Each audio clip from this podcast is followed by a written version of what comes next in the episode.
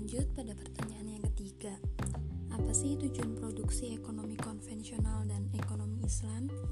Nah, yang seperti kita yang ketahui ya teman-teman, bahwa dalam ekonomi konvensional atau kapitalis, produksi itu dimaksudkan untuk memperoleh laba yang sebesar-besarnya, tetapi berbeda dengan tujuan ekonomi Islam.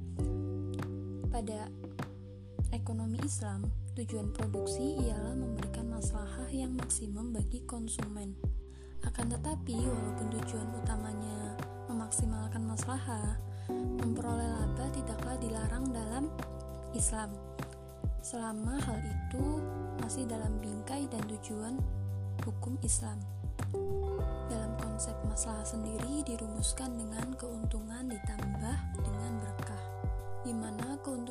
seorang produsen biasanya adalah laba yang diperoleh setelah dikurangi oleh faktor-faktor produksi, sedangkan berkah berwujud segala hal yang memberikan kebaikan dan manfaat bagi produsen sendiri dan manusia secara keseluruhan di mana keberkahan ini dapat dicapai jika produsen menerapkan prinsip dan nilai Islam dalam kegiatan produksinya.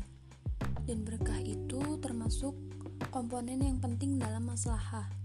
Oleh karena itu, bagaimanapun dan seperti apa pun pengklasifikasikannya, berkah harus dimasukkan dalam input produksi, sebab berkah mempunyai adil nyata.